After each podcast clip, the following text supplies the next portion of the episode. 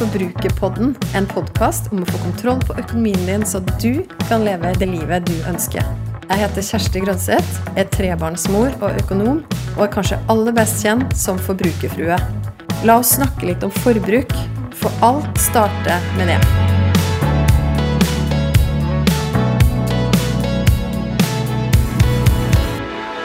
Før du og jeg går helt inn i feriemodus, så har jeg lyst til å sende med deg en siste episode nå i juni. Og det jeg har lyst til å snakke med deg om, er hvordan du kan skape en motstandsdyktig økonomi over tid. Og hva mener jeg egentlig med det? Jo, det skal jeg komme tilbake til i denne episoden. Det er vel liten tvil om at den store økonomisnakkisen i media de siste dagene og ukene har vært renta. Og etter at Norges Bank satte opp styringsrenta med 0,5 prosentpoeng torsdag 23.6, så har det vært mye snakk om hvordan vi nå skal takle de økende renteutgiftene som folk flest som har lån, kommer til å stå overfor framover. Den dagen eh, Norges Bank satte opp renta, så kjørte jeg en liten undersøkelse på Instagram hvor jeg spurte følgerne der om du har en plan for de økende renteutgiftene framover. Og da var det godt over halvparten, jeg tror landa på rundt 55% som hadde en plan. Men så var det altså da litt under halvparten, eller ca. 45% som, sa at, som svarte nei, jeg har ikke en plan. Og jeg tenker jo litt sånn at det er viktigere kanskje enn noen gang å ta det første steget i økonomien din som handler om å få full oversikt over situasjonen. Fordi jeg vet sjøl hvor lett det er å bli potensielt bekymra og at det kan føre med seg en type handlingslammelse i en situasjon, eller fornektelse. At du kanskje ikke tror på at renta skal doble seg, kanskje mer enn det, fra det nivået da du tok opp lånet, hvis du er en av de som har tatt opp lån nå i løpet av de siste åra. Så har vi vært vant til historisk lave renter, og det er jo nettopp det, ikke sant? at de har vært historisk lave, og et så vedvarende lavt rentenivå over tid, det visste vi jo på en måte at vi ikke kom til å se. Men så er det jo en del ting nå i det siste som har skjedd, som har gjort at man f.eks. da forrige torsdag valgte å sette opp med 0,5 prosentpoeng og ikke 0,25, sånn som i forrige runde. Og det er også varsla en ny renteøkning allerede i august. Og bankene de følger gjerne etter. Ganske, noen var ganske kjapt ute dagen etter også, noen av de største bankene, med å varsle sine renteøkninger. Og da, de, da må de varsle seks uker før. Så det betyr jo da at om halvannen måned så vil de første kundene med boliglån i banken få økt rente. Og bare for å ha vært litt kjapt innom det også knytta til styringsrente, inflasjon og pengepolitikk. Det er jo sånn at du har sikkert allerede hørt det, at det er Norges Bank som utøver pengepolitikken i landet. Og det viktigste de gjør, er jo å sette styringsrenta. Og det gjør de jo bl.a. for å opprettholde et fast inflasjonsmål som de har satt til å være 2% Og inflasjon, det er altså en vekst over tid i prisnivået i landet vårt. Så det betyr at Og da er det gjerne målt ved veksten i det som kalles konsumprisen, som Statistisk sentralbyrå måler i sin konsumprisindeks. og Den kan du gå inn og se på. Den er da sammensatt av de varer og tjenester som typiske husholdninger kjøper.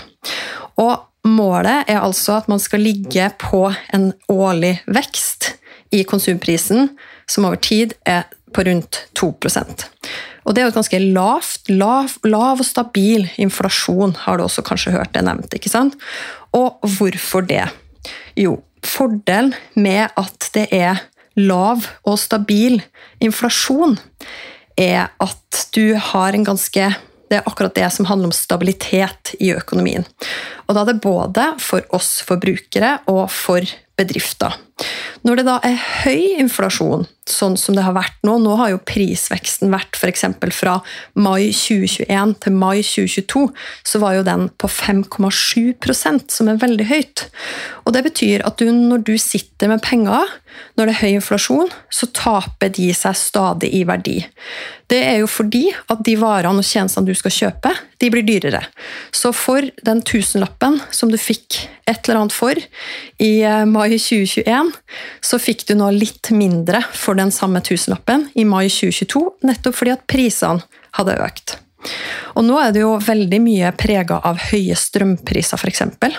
Og også det med at det har vært begrensning på varer som følge av krig, pandemi, kanskje i motsatt rekkefølge, osv., som påvirker da at vi har fått høye priser. Så når det er høy inflasjon, så er det dyrt å sitte med penger fordi de her taper seg i verdi, altså. Og så er det jo for en bedrift da, som skal selge noe, må jo også stadig øke prisen, fordi at de varene som de også kjøper inn for å levere sine varer og tjenester, de øker også. Så og så er det typisk også når det er høy inflasjon, at den varierer ganske mye. Så da blir jo vi, som da sitter med disse pengene, lurer på hva vi skal gjøre med de, og kanskje kjenner det at oi, høye priser, det er tøft også i hverdagen. Vi blir usikre på framtida. Det samme blir bedriftene. De blir usikre på okay, hvor, hvor lønnsomme kommer vi til å være utover i tid. Og det gjør det jo litt generelt usikkert og vanskelig å ta riktige beslutninger. Så det blir store, potensielt store svingninger i økonomien. Så det som er da, at da bruker Norges Bank, de som skal passe på med pengepolitikken, at inflasjonen, prisveksten, holder seg lav og stabil. De bruker da styringsrenta som et av sine virkemidler. Og hvorfor det? Jo, eller hva skjer når det er lav rente, sånn som det har vært nå? De bruker jo ofte det, da. de setter jo ofte ned renta for å få oss som forbrukere til å bruke mer. Hvis det går dårlig i økonomien, så ønsker de å stimulere med at man setter ned renta. Da får vi mer penger å rutte med, det blir billigere å ta opp lån. ikke sant? Og det samme med bedriftene. De kan da f.eks. ansette flere. Og det fører litt over tid, da, med lav rente over tid, til at vi ønsker jo da å kjøpe gjerne mye fordi at vi har mye penger i omløp. Og det blir stor etterspørsel etter varer og tjenester. Det samme med bedrifter. De ønsker jo da kanskje å ansette flere, som igjen fører til at man har lav arbeidsledighet, sånn som man har nå, rekordlav arbeidsledighet, og at det blir et press også oppover på lønna. Som igjen altså fører til økte priser og økt inflasjon.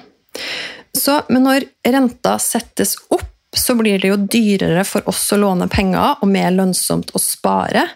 Det vil jo føre til mindre forbruk. Så det er typisk sånn at man må dempe når det går godt i økonomien. Lav arbeidsledighet og høy etterspørsel etter varer og tjenester, som også da fører til økte priser og økt inflasjon, som jeg sa i sted, så vil da i motsatt fall en høyere rente føre til mindre forbruk, og presset på lønn og priser går ned. Så oppsummert mindre usikkerhet altså for oss som forbrukere, og også for bedrifter. Mer langsiktighet når vi har lav og stabil inflasjon. Og så har jeg lyst til i denne episoden her da, å snakke om hvordan du kan skape en økonomi som er motstandsdyktig over tid. Og da måtte jeg sjekke litt på det her begrepet motstandsdyktighet. Og så fant jeg en definisjon fra Norsk psykologforening, som egentlig ikke har noen ting med økonomi å gjøre, men de snakker om resiliens og det med å være motstandsdyktig, og snakke om motstandsdyktighet. Og de sier at motstandsdyktige mennesker for eksempel, er utholdende og selvstendige. De har evne til å stå imot andre når det er nødvendig, og til å gjennomføre det de bestemmer seg for. Og Det tenkte jeg passa veldig veldig bra som en definisjon på det også med å skape en motstandsdyktig økonomi over tid. Fordi du vet jo, du som har hørt på Forbrukerpodden før, at jeg er veldig opptatt av det at du skal kunne ta valg som er gode for deg, at du skal ta dine valg og gjøre dine prioriteringer i ditt liv med dine penger.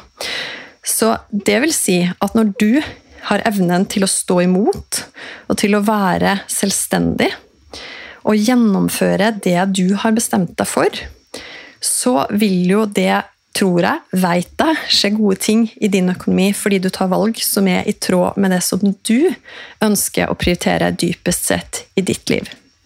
Og du som har hørt på Forbrukerpodden før, du veit at jeg liker veldig godt å bruke enkle bilder for å forklare gode økonomiske prinsipp. Og at jeg snakker ganske ofte og mye om en enkel modell som du kjenner som kakemodellen. Det handler rett og slett om at jeg beskriver alt det du får inn av inntekter på konto i løpet av en måned, som en rund kake. Og så gjør du dine valg og prioriteringer med dine penger, og så har jeg delt opp de i fem kakestykker, som representerer da hvordan du prioriterer og fordeler de pengene hver eneste måned. Og de kakestykkene er leve, nyte, drømme, gi og sikre.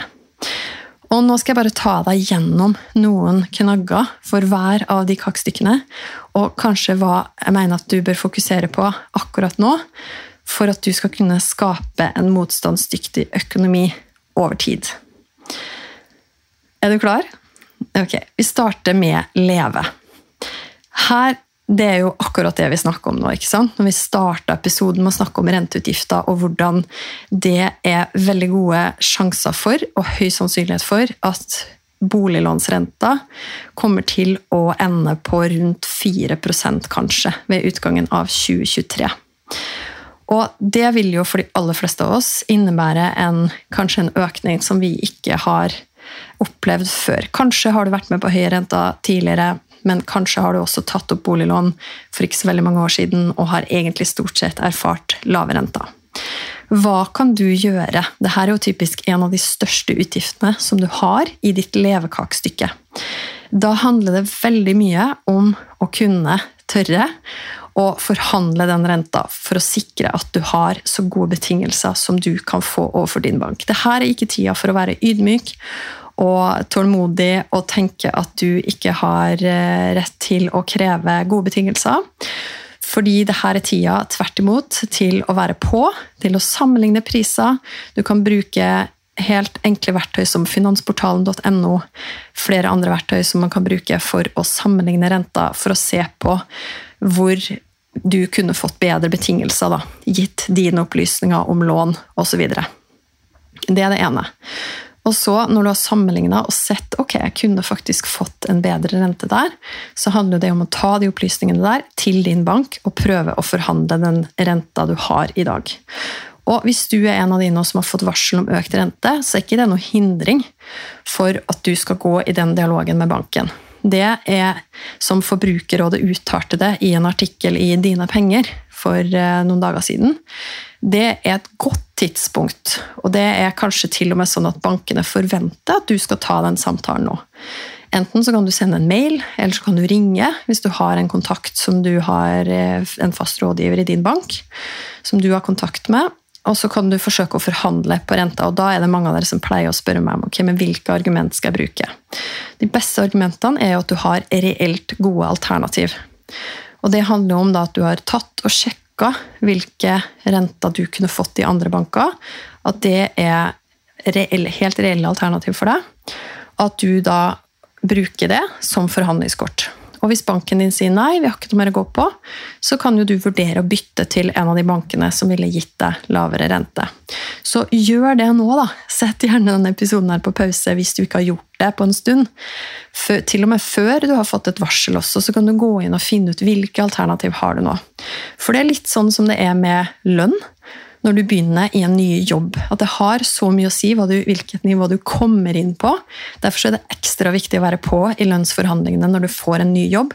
Mye lettere da enn vanlig årlig lønnsforhandling. Litt det samme nå.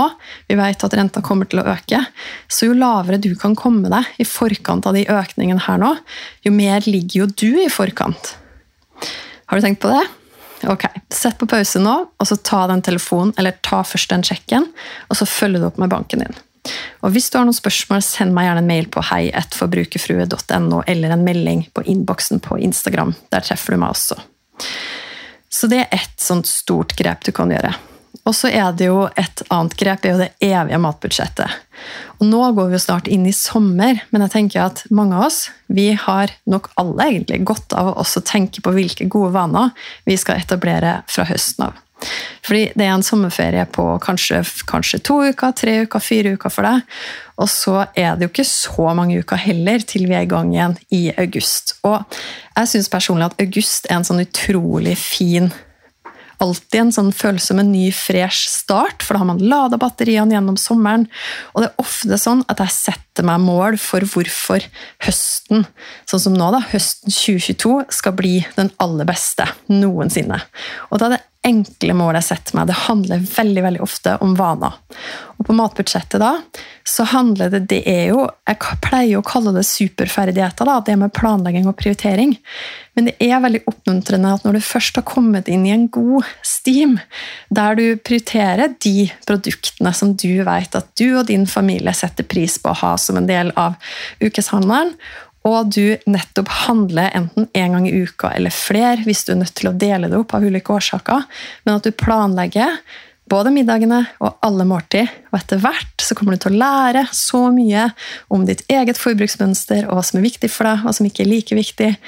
Hvor mye du kan kjøpe av ulike mengder, både når det gjelder middag, og når det gjelder de andre måltidene som du skal dekke.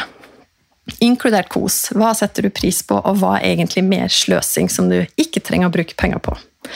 Så Det er to eksempel på hvordan du over tid kan da rigge deg for gode valg også når det kommer til levekostnadene dine. Altså forhandle på renta, gjør det til en vane. Sammenligne alternativ og gå i forhandling. Og ta kontroll på matbudsjettet. Så når det gjelder nyte, så tenker jeg at hvis det hadde vært sånn Det kan jo de som har prøvd f.eks. det å gå ned i vekt med diverse slankekurer opp gjennom åra, har prøvd på å kanskje mislyktes med det. Så hvis, spesielt tror jeg hvis det handler om at man bare skal redusere, eller at man skal kutte alt av usunt, da, f.eks., eller at man skal slutte helt med noe, så tenker jeg at ja, det kan gå for en periode. Og så tror jeg over tid så er jeg ikke så sikker på at det vedvarer. Derfor så har jeg valgt å ha et helt eget kakestykke som jeg kaller nyte. Og jeg får ofte spørsmål om hva det er jeg pleier å sløse penger på. Og da har jeg gjort det til en vane å svare det samme hver gang når jeg får spørsmål om det. Det jeg svarer da, er at jeg pleier ikke å snakke om å sløse, jeg snakker om å nyte. Og da er det jo ikke sånn at det er uendelig mye penger på det nytekortet mitt, eller på den kontoen. Det handler jo mer om at jeg har fått en gitt meg sjøl. Både mannen min og jeg har egne lommepenger. Sånn gjør vi det i vår felles økonomi. Lite sidespor der. Vi har da spytter inn alt til felleskontoer minus det vi da sitter igjen med, samme beløpet, i lommepenger. Så sånn har vi valgt å løse det. Og Det er viktig for oss, for det har vi da full frihet. Vi har null innsyn i hverandres lommepenger, så det er det vi råder over helt sjøl. Og Da er det ikke uendelig mye penger der, naturlig nok. Og da er det sånn at jeg er veldig nøye på hva jeg ønsker å prioritere og bruke det nytebudsjettet mitt på. Så det tror jeg for deg også, at i en sunn økonomi, og som er motstandsdyktig over tid, så er det også rom for kos. Det er også rom for å nyte livet. Så kommer vi til et kakestykke som handler om drømmer. Og der tenker jeg at spesielt det her med definisjonen, som jeg nevnte i sted på motstandsdyktighet Når man står, er selvstendig å stå imot andre når det er nødvendig, og det kan jo høres dramatisk ut. Men jeg tror at det handler om, også når det gjelder drømmer, at du vet at du prioriterer å bruke penger på dine drømmer, og ikke naboen sine drømmer. Og jeg pleier å gjenta det her ganske ofte, men det er fordi at hvis du er litt som meg, så sniker det seg så ofte inn tanker om hva jeg burde brukt pengene mine på, basert på folk rundt meg. Jeg kan høre om noen som har planlagt en lang reise for eksempel, til et eksotisk sted, og så kan jeg da umiddelbart tenke at oi, skulle vi også gjort det? Men så har jeg lært meg til da, å stoppe opp og så tenke litt gjennom ok, er det det at, jeg, er det, er det det at jeg har lyst på akkurat den reisen? Nei, kanskje er det ikke det. Kanskje var det bare det at de hadde tatt et aktivt valg for sin familie. Kanskje var det det jeg syntes virka fristende. Og da hadde jo veldig dumt hvis jeg hadde gått og brukt tusenvis av kroner på samme reise som de, hvis det egentlig bare handla om at jeg også hadde lyst til å tørre å ta flere valg som er basert på våre, min familie, sine drømmer og mine drømmer. Ok, Så det handler også om å bygge en motstandsdyktig økonomi over tid. At du vet, at du tuner inn på deg sjøl og partneren hvis du er i et forhold, og familien hvis du har det. Hva er det som er viktig for dere? Og det handler jo da om å ta valg, og også prioritere de drømmene og spare til de. Kanskje det er store drømmer. Og tørre å begynne å snakke om de, men også å gjennomføre de. Gjennomføre det du har bestemt deg for. Når det kommer til det å gi, så er jeg opptatt av det også som en del av økonomien. Og det kan, handler jo kanskje vel så mye om det å skape en bærekraftig økonomi over tid. En økonomi som ikke bare handler om meg og mitt her og nå, men som også kan handle om noen andre, og som kan bygge noe over tid. Så det anbefales veldig, hvis du ikke har det som en vanlig i økonomien din, å prioritere en del av kaka di på å gi til andre. Og så er det siste kakestykket som handler om å sikre. Og der tenker jeg også at det er jo det mange av oss erfarer nå, da. Bekymringer for økte utgifter, og hva skjer framover. Og da kan jeg jo ikke få snakka nok om det med å ha en solid buffer. Og jeg pleier å si at alle må ha en krisebuffer på 10 000 kroner på konto. Det skal være penger på konto, lett tilgjengelig. Jeg var litt bekymra tidligere i år, så fikk jeg meldinger fra flere eh, følgere på Instagram, kanskje også lytter av podkasten, som hadde da spart opp buffer, men de hadde spart opp buffer i aksjefond, og nå trengte de pengene. Da hadde de gjerne ikke hatt de pengene der i aksjefond så veldig lenge heller. Og da måtte jeg minne dem på at skal du spare i aksjer og i aksjefond, så er du nødt til å ha et langsiktig perspektiv. Minst fem til ti år for at det historisk sett skal lønne seg for deg. Mer enn å ha penger i banken. Så, men bufferpenger det er penger i banken. De skal være tilgjengelige for deg den dagen du trenger de når det skjer noe uforutsett. Og For å koble det da mot drømmekakestykket og det å være motstandsdyktig og stå imot press og det å være selvstendig, så mener jeg at det å ta penger fra bufferen for eksempel, til å kjøpe seg noen andre sin drøm, det vil ikke jeg at du skal drive med i din økonomi. Da vil jeg at du skal venne deg til å sjekke inn med hva er det som faktisk er viktig for deg, og så vil jeg at du skal spare de bufferpengene til det virkelig gjelder i din økonomi, og du trenger de da vil du være veldig glad og takknemlig for at du har de på konto. Så handler det jo også om å ikke da og Det ser vi jo nå da når renta øker, hvor sårbare vi er, vi som har gjeld. Og det handler jo også om å ikke finansiere fristelser med f.eks. kredittkort eller forbrukslån. Jeg har jo valgt å ikke ha kredittkort i det hele tatt, fordi jeg vet at i mitt liv så fører tilgangen på kreditt og kredittkort til at jeg bruker mer penger. Fordi jeg føler ikke da på samme måte som når jeg bruker kort og ser at det trekkes fra kontoen, så føler jeg ikke like lett at jeg bruker penger. Dermed så bruker jeg mer. Dette har jeg testa også i perioder hvor jeg har lånt mannen min sine kredittkort i noen perioder. At jeg bruker faktisk mer penger. Derfor så vil jeg ikke ha det.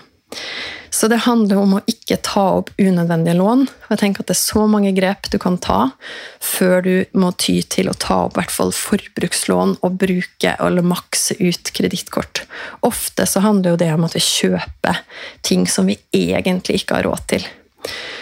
Så hvis du har flere spørsmål om det, så send meg også gjerne en melding eller en mail så kan vi ta praten eller debatten videre hvis du har noen innspill på akkurat det også. Spesielt det med kredittkort. Det pleier å være mange som har sterke meninger om. Så kjør på. Jeg er åpen for alt. Så det handler om å ikke ta opp unødvendig mye gjeld. Det handler også om Jeg pleier å snakke om billån. Det er jo ikke superpopulært å snakke om, egentlig, fordi at de fleste har det jo. Og til en viss grad så kan jeg jo forstå logikken i at ok, skal man spare opp penger til å betale i cash, da? Hvor mye penger er det ikke man binder da? Og sånn som nå når det har vært så billig å låne penger, så har det jo på en måte sett litt sånn dust ut å skulle betale for en bil i cash. Men hvis du skal ta opp billån, og de aller fleste gjør jo det, pass i hvert fall på at du legger opp til en nedbetalingsplan som gjør at du har betalt ned det lånet i takt med at bilen din reduseres i verdi. For jeg har også snakka med noen av dere som ender opp med å ha mer i lån enn det bilen faktisk er verdt. Og det kan fort skje.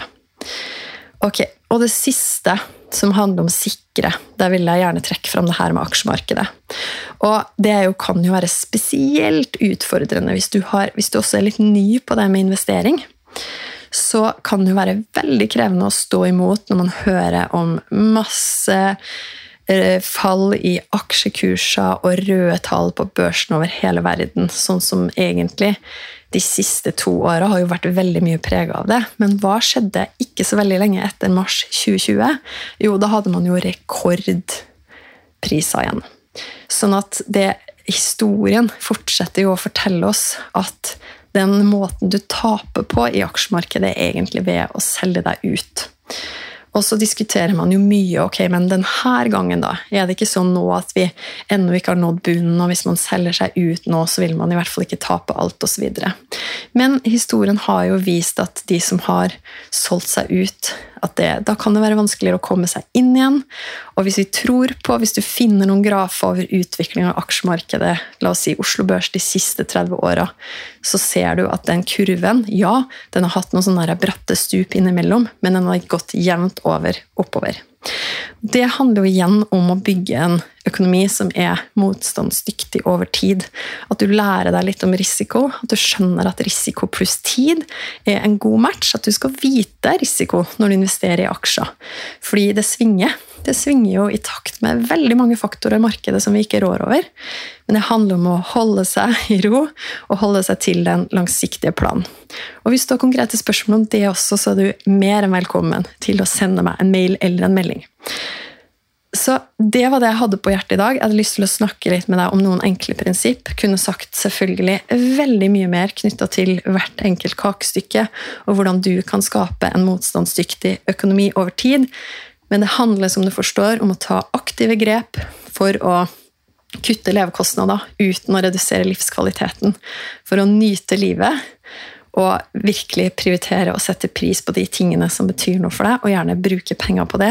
Det handler om å drømme stort og drømme dine drømmer. Det handler om å gi til andre, og det handler om å sikre økonomien din både her og nå, med buffer, og over tid, med å finne ut hvor pengene dine kan vokse mest mulig.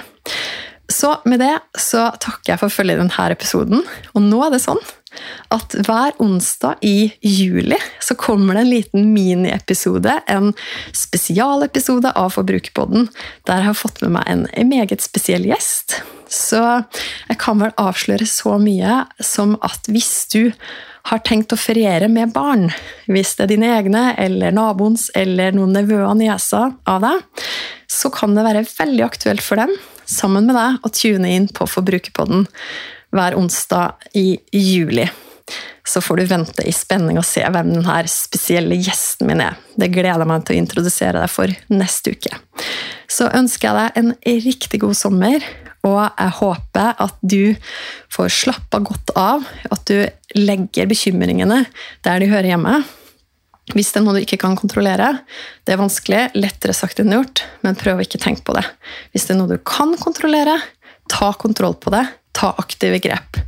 Og så ønsker jeg at du får maks ut av pengene dine der du er. God sommer! Jeg vil gjerne vite hva du tenker etter å ha hørt episoden.